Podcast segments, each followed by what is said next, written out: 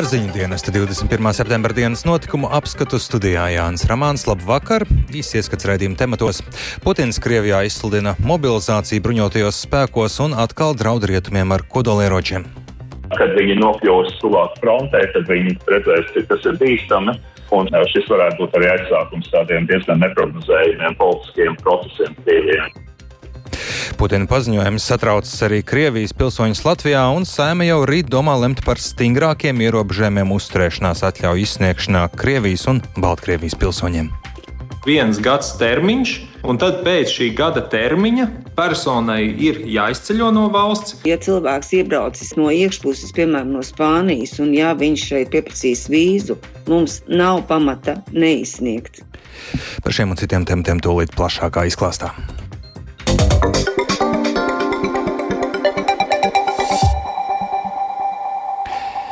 Krievijas izsludinātā daļējā mobilizācija nozīmē, varētu liecināt par to, ka septiņus mēnešus ilgusī operācija Ukrainā ir bijusi neveiksmīga. Tāpēc, lai glābtu seju, Krievijas varas iestādes ir gatavas mobilizēt ne tikai rezervistus. Cilvēktiesība aktīvisti aicina iedzīvotājus iziet ielās, lai protestētu pret mobilizāciju, bet daudz iedzīvotāji jau izmanto pēdējo iespēju, lai Krieviju pamestu. Tikmēr Ukrainas vadība norāda, ka Krievijas izsludinātā mobilizācija neietekmēs Ukrainas apņēmību atbrīvot savu zemi. Vairāk stāstūģis Lībietis. Krievijas prezidenta Vladimira Putina izsludinātā daļējā mobilizācija nozīmē to, ka dienestā tika iesaukti aptuveni 300 tūkstoši rezerves karavīru vecumā no 18 līdz 50 gadiem. Atsevišķos gadījumos arī līdz 60 gadiem. Kā noprotams no Putina izteikumiem, šādas mobilizācijas mērķis ir aizsargāt Krieviju no pieaugušiem rietumu draudiem, kā arī aizsargāt Ukrainas austrumos okupētās teritorijas, kur iedzīvotāji ir lūguši, ja pareizāk sakot, drīz referendumos lūgs uzņemt tās Krievijas federācijas sastāvā. Kā norāda daudz krievu un ārvalstu komentētāji, šādas mobilizācijas izsludināšana ir mēģinājums parādīt, ka vara turpina kontrolēt situāciju. Kaut arī faktiski tas liecina par Ukrainā uzsāktā kara diezgan lielu izgāšanos. Tas tāpēc, ka diezin vai Pēc oficiāli pasludinātajiem nepilniem 6000 kritušo Ukrainā būtu nepieciešams mobilizēt 300 tūkstošus. Kā uzskata cilvēktiesību projekta pirmā nodaļa dibinātājs Ivans Pavlovs, paziņojums par daļējo mobilizāciju ir tikai PR gājiens, un jāstraucas būtu visiem vecumā no 18 līdz 50 gadiem. Pēc Pavlova vārdiem kara komisariātiem tagad tiks iesniegts saraksts ar iesaucamo cilvēku skaitu, tāpēc, lai iepriecinātu vadību, mobilizējumie īpaši netiks šķiroti Будут призывать, будут хватать всех, кого можно, будут устраивать показательные. Ķers visus, kurus iespējams. Tiks organizētas parauga prāvas pret tiem, kuri mēģinās izvairīties no mobilizācijas. Šīs tehnoloģijas ir zināmas un atstrādātas. Varas iestādes sauks pie atbildības visus, kuri izvairīsies no iesaukšanas. Tāpēc mūs sagaida interesanti procesi un jauni represīvie pasākumi. Represijas drīz būs diezgan skarbas, un arī piespriesties sodi nebūs mazi. Немалые. Vēl pirms gaidāmās mobilizācijas izsludināšanas Krievijā izskanēja aicinājumi gan pašlaik bruņotajos spēkos dienošajiem, gan Ukraiņas karā iesaistītajiem masveidā rakstīt iesniegums par līgumu pārtraukšanu un atteikšanos karot. Vēlāk organizācijas viesnā pārstāvji aicināja šovakar Krievijas pilsētu centros organizēt protesta akcijas, lai paustu neapmierinātību ar mobilizāciju. Kā ziņo vairāk Krievijas mēdī, piemēram, Irkutskā no aptuveni 60 sanākušiem protestētājiem aizturēt vismaz 20, citās pilsētās protestētājiem vai nu pārbaudīt dokumenti, vai arī vienkārši pieprasīts pārtraukt pulcēšanos. Galvaspilsētas Maskavas prokuratūra tikmēr ir paziņojusi, ka visiem, kuri aicina piedalīties neatļautās protesta akcijās, draud līdz pat 15 gadiem ilgs cietumsots. Nenoliedzami, ka mobilizācija Krievijā tiek aktīvi apspriesta arī Ukrainā. Izdevuma Defense Express vadītājs Serhijas Gurets uzskata, ka Krievijas spēku efektivitāte Ukrainā tas īpaši nepalielinās. Але кількість збільшення тупогарматного м'яса зараз вона не Vienkārša lielgabalu gaļas skaitliska palielināšana nekādi neietekmēs Krievijas armijas efektivitāti. Mēs redzam, kas notiek frontē.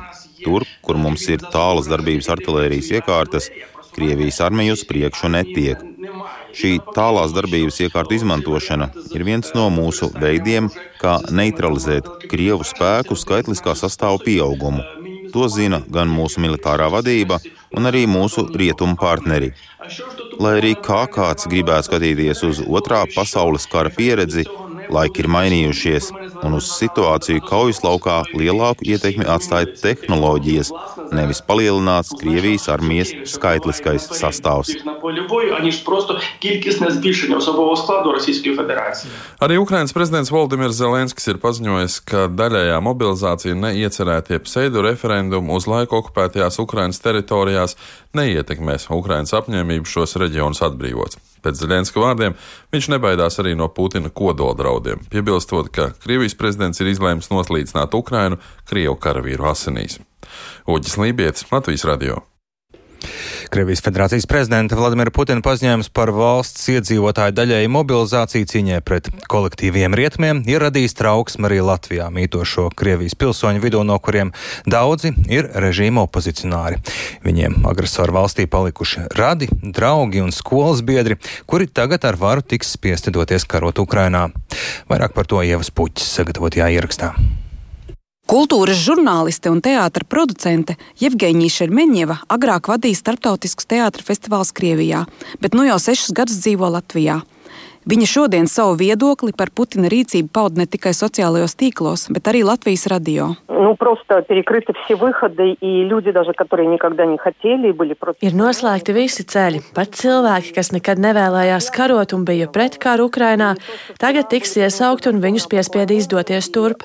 Vakar tika pieņemta arī likuma par atstādināšanu, saņemšanu gūstā un citiem veidiem, kā novērst to, lai cilvēki neatsacītos no karošanas. Vai nu tu dodies nogalināt uz Ukrainu, vai tevi iesēdina ilgtermiņā uz desmit un vairāk gadiem par to, ka esi mēģinājis slēpties. Tagad redzam, ka arī cilvēkus, kas par atteikšanos karot nokļūst cietumā, spēcvienības var izdzīt kara laukā arī no turienes. Viņiem vairs nebūs nekādu iespēju aizstāvēties. Krievija ir teroristiska valsts, kas jau vairāk nekā 20 gadus terorizē ne tikai pasauli, bet arī savus iedzīvotājus. Tas ir iekšējais terorisms. Teicāt, ka atkal pastiprinās arī emigrācijas vilnis no Krievijas. Nu, насколько вот в публичных источниках... Publiski avoti un paziņas stāsta, ka izlidošanas biļešu vairs tikpat kā nav. Prom dodas galvenokārt vīrieši. Ir bīstamība, ka no rītdienas šī iespēja tiks liekta. Varēs izlidot tikai ar karu komisariāta izziņu. Mobilizācijas likumā ir punkts, ka dzīvesvietu cilvēkiem iesaucamajā vecumā atļaus pamest tikai ar šādu izziņu. Parastie cilvēki visticamāk tagad atdos pēdējo naudu, lai kara komisariāts neiesauktu viņu bērnus, lai fiktīvi viņus ievietotu slimnīcās un arī pārcelsies uz citām vietām, lai viņus fiziski neatrastu. Vai arī mēģinās dabūt tā dēvēto bruņoto darbu, kurā strādājošos komisariāts neaiztiek. Vai cilvēki ies protestēt? To pateikt ir grūti, jo depresijas līmenis un arī iekšējās agresijas līmenis jau ir pārsniedzis visas robežas bet visā valstī ir izsludinātas demonstrācijas pret karu un pret mobilizāciju. Sociālos tīklos ir izskanējis aicinājums iziet savas dzīves vietas galvenajā laukumā как бы на главную площадь своего места жительства. Iespējams, cilvēki arī neuzies ziņu par šiem protestiem, jo pat Facebook un Instagram platformu lietošana Krievijā var kļūt par iemeslu aizturēšanai, saka Šermeņeva. Baidoties no represijām, sarunu Latvijas radio atteica vairāk Latvijā dzīvojošie Krievijas federācijas pilsoņi, kas pēc Vladimira Putina šī rīta paziņojuma ir pakļauti kara klausībai. Viens no viņiem tikko nolicis eksāmenis Latvijas pilsonības iegūšanai un izsacīja bažas, ka jebkurš publisks paziņojums varētu kļūt par iemeslu Krievijas atteikumam anulēt viņa Krievijas pilsonību. Arī Latvijā bāzētā portāla Meduza darbinieki, kas ir Krievijas pilsoņu iesaucamajā vecumā, pieņēmuši lēmumu tik sensitīvu situāciju nekomentēt, paskaidroja mediju runas persona Katrina Abramova. Meduza darbs turklāt pēc Putina paziņojuma esot tikpat saspringts, kāds tas bija Ukrainas kara pirmajās dienās. Izteikties piekrita Latvijā apmeties dokumentālo filmu režisors Vitālijs Manskis, kurš jau iekļauts Krievijas ārvalstu aģentu sarakstā un ir veidojis atmaskojošu filmu Putina liecinieki. Да, я сегодня проверил, являюсь ли я военно обязан. Arī es šodien pat pārbaudīju, vai esmu pakļauts mobilizācijai. Vēl PSRS laikā atteicos dienēt armijā, par ko man jaunībā draudēja nepatikšanas. Otrkārt, esmu Krievijas Federācijas Federālā drošības dienesta meklēto personu sarakstā.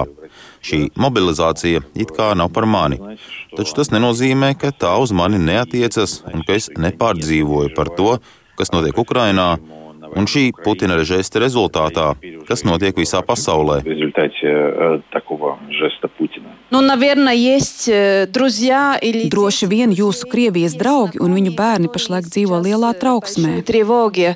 Может быть, то, что я скажу, заденет. Varbūt tas, ko tagad pateikšu, aizskars cilvēkus Krievijā, bet man nav līdzpārdzīvojuma vai trauksmes par to cilvēku likteņiem, kas varētu militārā ierindā doties nogalināt Ukraiņus. Uz šo mobilizāciju es neskatos to cilvēku kontekstā, kurus iesauks. Es pārdzīvoju par Ukrāņu pusi, kura tiks piespiesta karā pretoties vēl daudzskaitlīgākajai armijai. Un, attiecīgi, arī upuri Ukraiņas karavīru un mierīgo iedzīvotāju vidū var būt daudz lielāki. Tas mani uztrauc daudz vairāk. Nezinu, vai Krievijas iedzīvotāji ir gatavi uzklausīt šādu pozīciju. Граждане России вот такую позицию. Latvijas ārlietu ministrs Edgars Rinkevičs šodien savā Twitter kontā paziņoja, ka drošības apsvērumu dēļ Latvija neizsniegs humanās vai cita veida vīzas tiem Krievijas pilsoņiem, kuri cenšas izvairīties no mobilizācijas. Ieva Puķa, Latvijas radio. Kā dzirdējām, Krievijā šodien gaidāmas pirmās protesta akcijas, kurās turienes iedzīvotāji gatavojas iebilst pret obligāto mobilizāciju.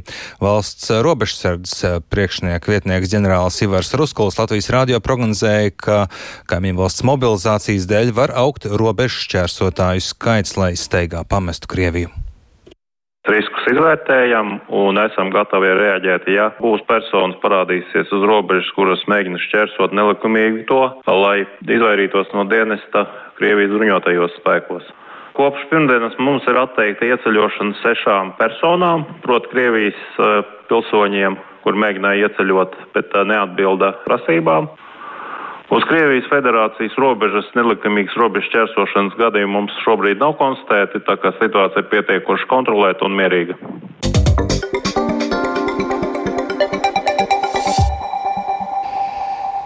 Saimnes aizsardzības iekšlietu un korupcijas novēršanas komisija turpināja šodien galīgajā lasījumā gatavot grozījumus imigrācijas likumā, kas paredz stingrākus nosacījumus termiņu uzturēšanās atļauju izsniegšanai Krievijas un Baltkrievijas pilsoņiem.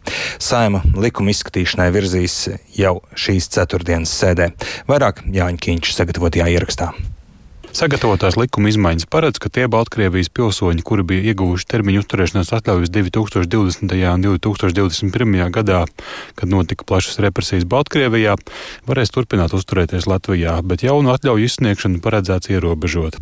Savukārt Krievijas pilsoņiem sašaurinās iespējas iegūt termiņu uzturēšanās atļaujas, kā arī stingrāk vērtēs pastāvīgo termiņu uzturēšanās atļauju izsniegšanu. Iekšlietu ministrs Kristaps Eklons no attīstībai parosināja, ka līdz ar valsts drošības dienestu, valsts policiju un pilsonības un migrācijas lietu pārvaldi pamatu anulēt termiņu uzturēšanas atļaujas Krievijas un Baltkrievijas pilsoņiem izvērtētu arī finanšu izlūkošanas dienests. Tā pārstāvis Aleksējs Loskutovs komisijas sēdē pauda iestādes gatavību uzņemties šīs funkcijas. Ir vienota izpratne par to, kā tiks veikts darbs visu to personu pārbaudīja, kam ir spēku esoša termiņu uzturēšanas atļauja. Un šis darbs tiks veikts ar nu, cieša sadarbība un ievērojot tā likuma normas, kas nosaka FIDE darbību, noziedzīgi iegūto līdzekļu legalizēšanas un terorisma un proliferācijas novēršanas likumu. Tomēr komisijas vairākums šo priekšlikumu un ar to saistītos citus priekšlikumus neatbalstīja, jo šī būtiskā iecer iesniegt pārāk neilgu laiku pirms galīgā lasījuma. Vienlaikus deputāti vienojās likumā ierobežot arī vīzu izsniegšanu Krievijas pilsonim, ja viņš to pieprasa, atrodoties kādā Eiropas Savienības valstī. Uz šādu iespējamību norādīja pilsonības un migrācijas lietu pārvaldes priekšniece Maira Roze. Tātad normatīvi akti neregulē, ka ja cilvēks iebraucis ir ne caur ārējo Schengens robežu, bet no iekšpuses, piemēram, no Spānijas, un ja viņš šeit pieprasīs vīzu, mums nav pamata neizsniegt. Jo šis likums neregulē to, ka, ja cilvēks šeit ir likumīgi, viņam ir tiesības pieprasīt, piemēram, saistībā ar darbu vīzu arī. Komisijas atbalstu neguva iekšlietu ministra rosinājums izsniegt termiņu uzturēšanās atļauju tiem, kuri gada laikā nebūs iesnieguši PMLP valsts valodas zināšanas apliecinošus dokumentus. Attiecīgi varētu pretendēt uz pastāvīgās uzturēšanās atļauju. Pēc Nacionālās apvienības deputāta Jāņa Dombrovs domām šādas izmaiņas pilnībā mainītu visu likuma grozījumu galveno domu. Tas, ko iekšlietu ministrija piedāvā, ka faktiski visiem Krievijas pilsoņiem, kam ir patstāvīgās uzturēšanās atļauja, eh, būs eh, automātiska iespēja Tātad saņemt termiņu uzturēšanās atļauju. Man tas nešķiet pareizs princips. Man liekas, tomēr pareizāks ir princips, ka mēs šobrīd esam pateikuši viens gads termiņš, un tad pēc šī gada termiņa personai ir jāizceļo no valsts, vai arī jāsaņem termiņu uzturēšanās atļauja atbilstoši tām imigrācijas likuma normām, kuras ir atstātas spēkā attiecībā uz Krievijas pilsoņiem, kas runā par ģimenes apvienošanu, par humāniem iemesliem. Saima imigrācijas likuma grozījumus skatīs jau tuvākajās nedēļās. Pašlaik gan vēl nav zināms, uz cik daudziem cilvēkiem tās varētu attiekties. Jānis Kincis, Latvijas Radio.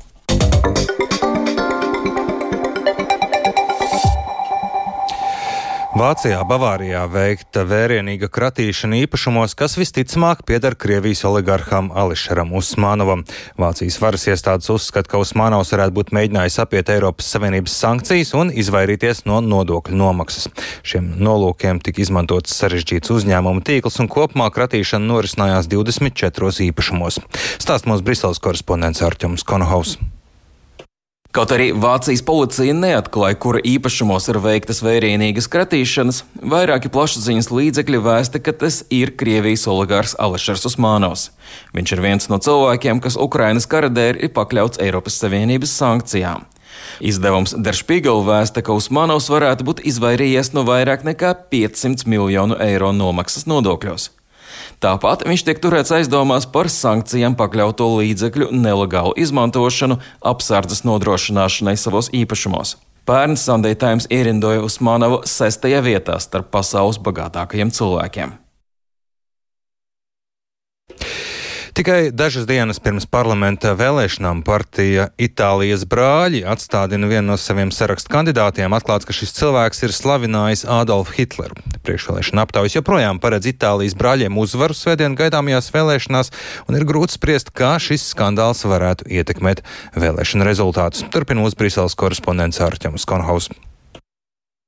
Partijas Itālijas brāļa vadītāja Džordžija Miloni ir gadiem strādājusi, lai mainītu savas partijas tēlu sabiedrības acīs un attālinātu šo politisko spēku no tā neonacistiskiem pirmsākumiem. Tomēr kritiķi uzskata, ka neonacisti joprojām ir šīs partijas rindās.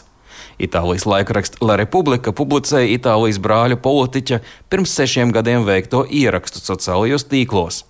Tajā viņš slavē nacistiskās Vācijas diktatoru Adolfu Hitleru kā labu valsts vīru. Partija atstādināja šo politiķu, kurš kandidēja parlamentā no Sicīlijas.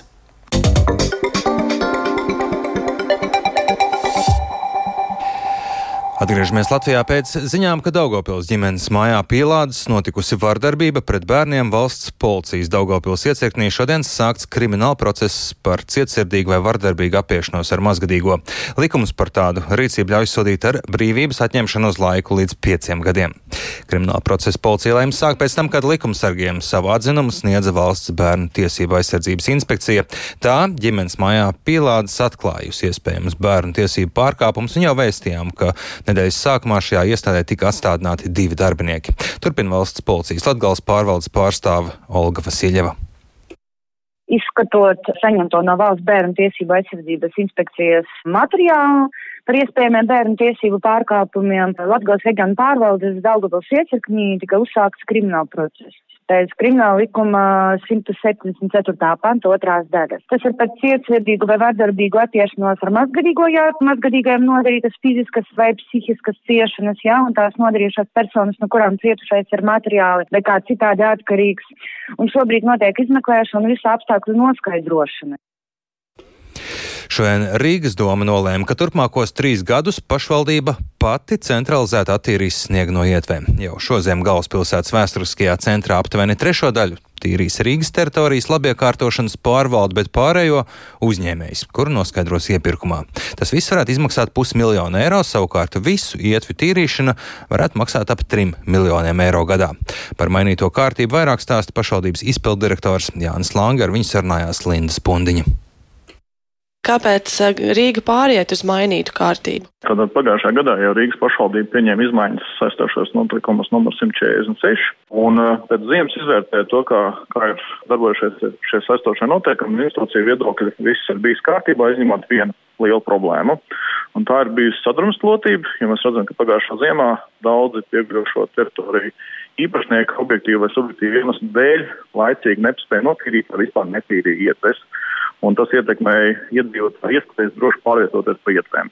Un tādēļ Rīgas pilsētas izpildvaru nāk ar priekšlikumu Rīgas domas deputātiem lem par to, ka trīs gadu laikā Rīgas pilsēta veiks visu pilsētā pieguļošo ietju uzturēšanu un veiks mehanizētu centralizētu tīrīšanu ziemas periodā un pēc ziemas perioda attiecīgi snošu savākšanu. Šī mainītā kārtība tad garantētu to, ka iedzīvotājiem nevajadzētu brist pa sniegu kupenām. Jebkurā gadījumā prasības nemainās. Tas nozīmē, ka no rīta līdz pusdien astoņiem būs jābūt notīrītām ietvēm. Pirmā etapā tas būs Rīgas vēsturiskais centrs, ko uzņēmās pašvaldība no savas puses centralizēt tīrīt. Un tā tad būs simtprocentīgi pašvaldības atbildība.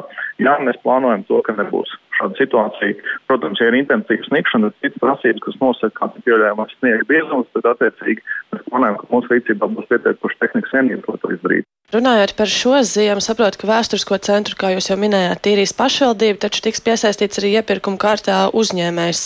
Vai ir zināms, kad šis uh, iepirkums tiks izsludināts un jau būs zināms Viņš arī ir- uzņēmējs? Jā, viņš ir izsludināts, šobrīd viņš vēl nav noslēdzies.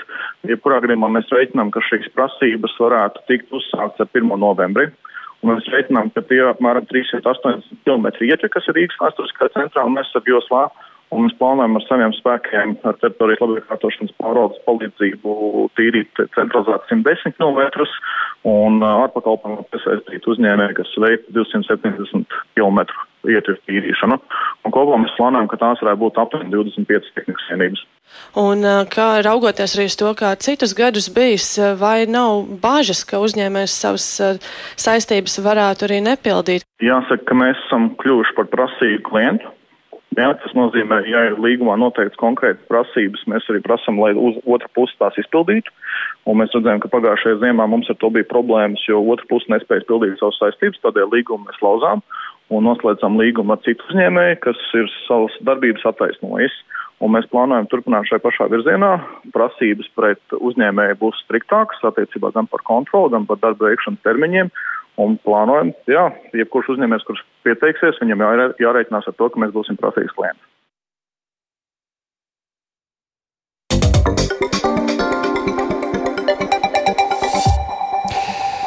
Latviešiem piemītošā īpašība ar dažādiem nostāstiem, mītiem apvīt dabas objekts režisoram Muģim Oltem bija viens no ierosmes avotiem veidot savu debijas spēļu filmu Upurga.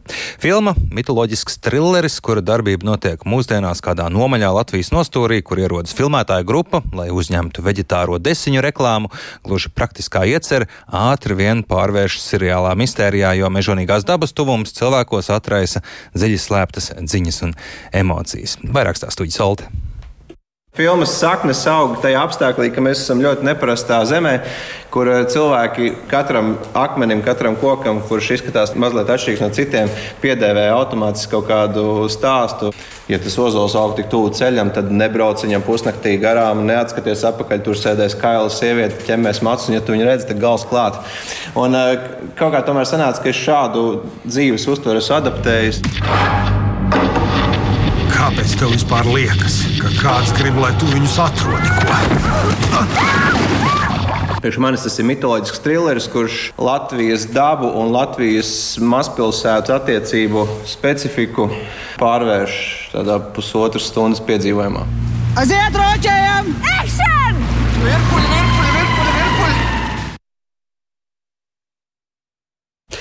Spēļu filmu Upurga tās pirmizrāde gaidām 3. oktobrī, bet jau šo piekdienu ceļu pie skatītājiem sāks seriāls par filmu tapšanas aizklusēm, kas ir atsevišķs stāsta vērts.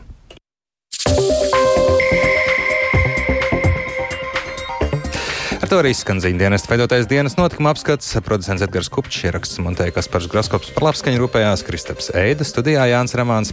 Īs atgādināšu arī svarīgāko. Putins Krievijā izsludina mobilizāciju bruņotajos spēkos un atkal draud rietumiem ar kodolieročiem. Putina paziņojums satraucas arī Krievijas pilsoņus Latvijā un Saima jau rīt domā lemt par stingrākiem ierobežojumiem uzturēšanās atļauju izsniegšanā Krievijas un Baltkrievijas pilsoņiem. Mūsu ziņām varat sekot līdzi arī Latvijas Radio 1 Facebook lapā, sabiedrisko mediju ziņu portālā portālā LSMLV. Pārējais atkārtojums atrodams arī raidierakstu platformās, kā dienas ziņas un arī Latvijas radio mobilajā lietotnē. Yeah.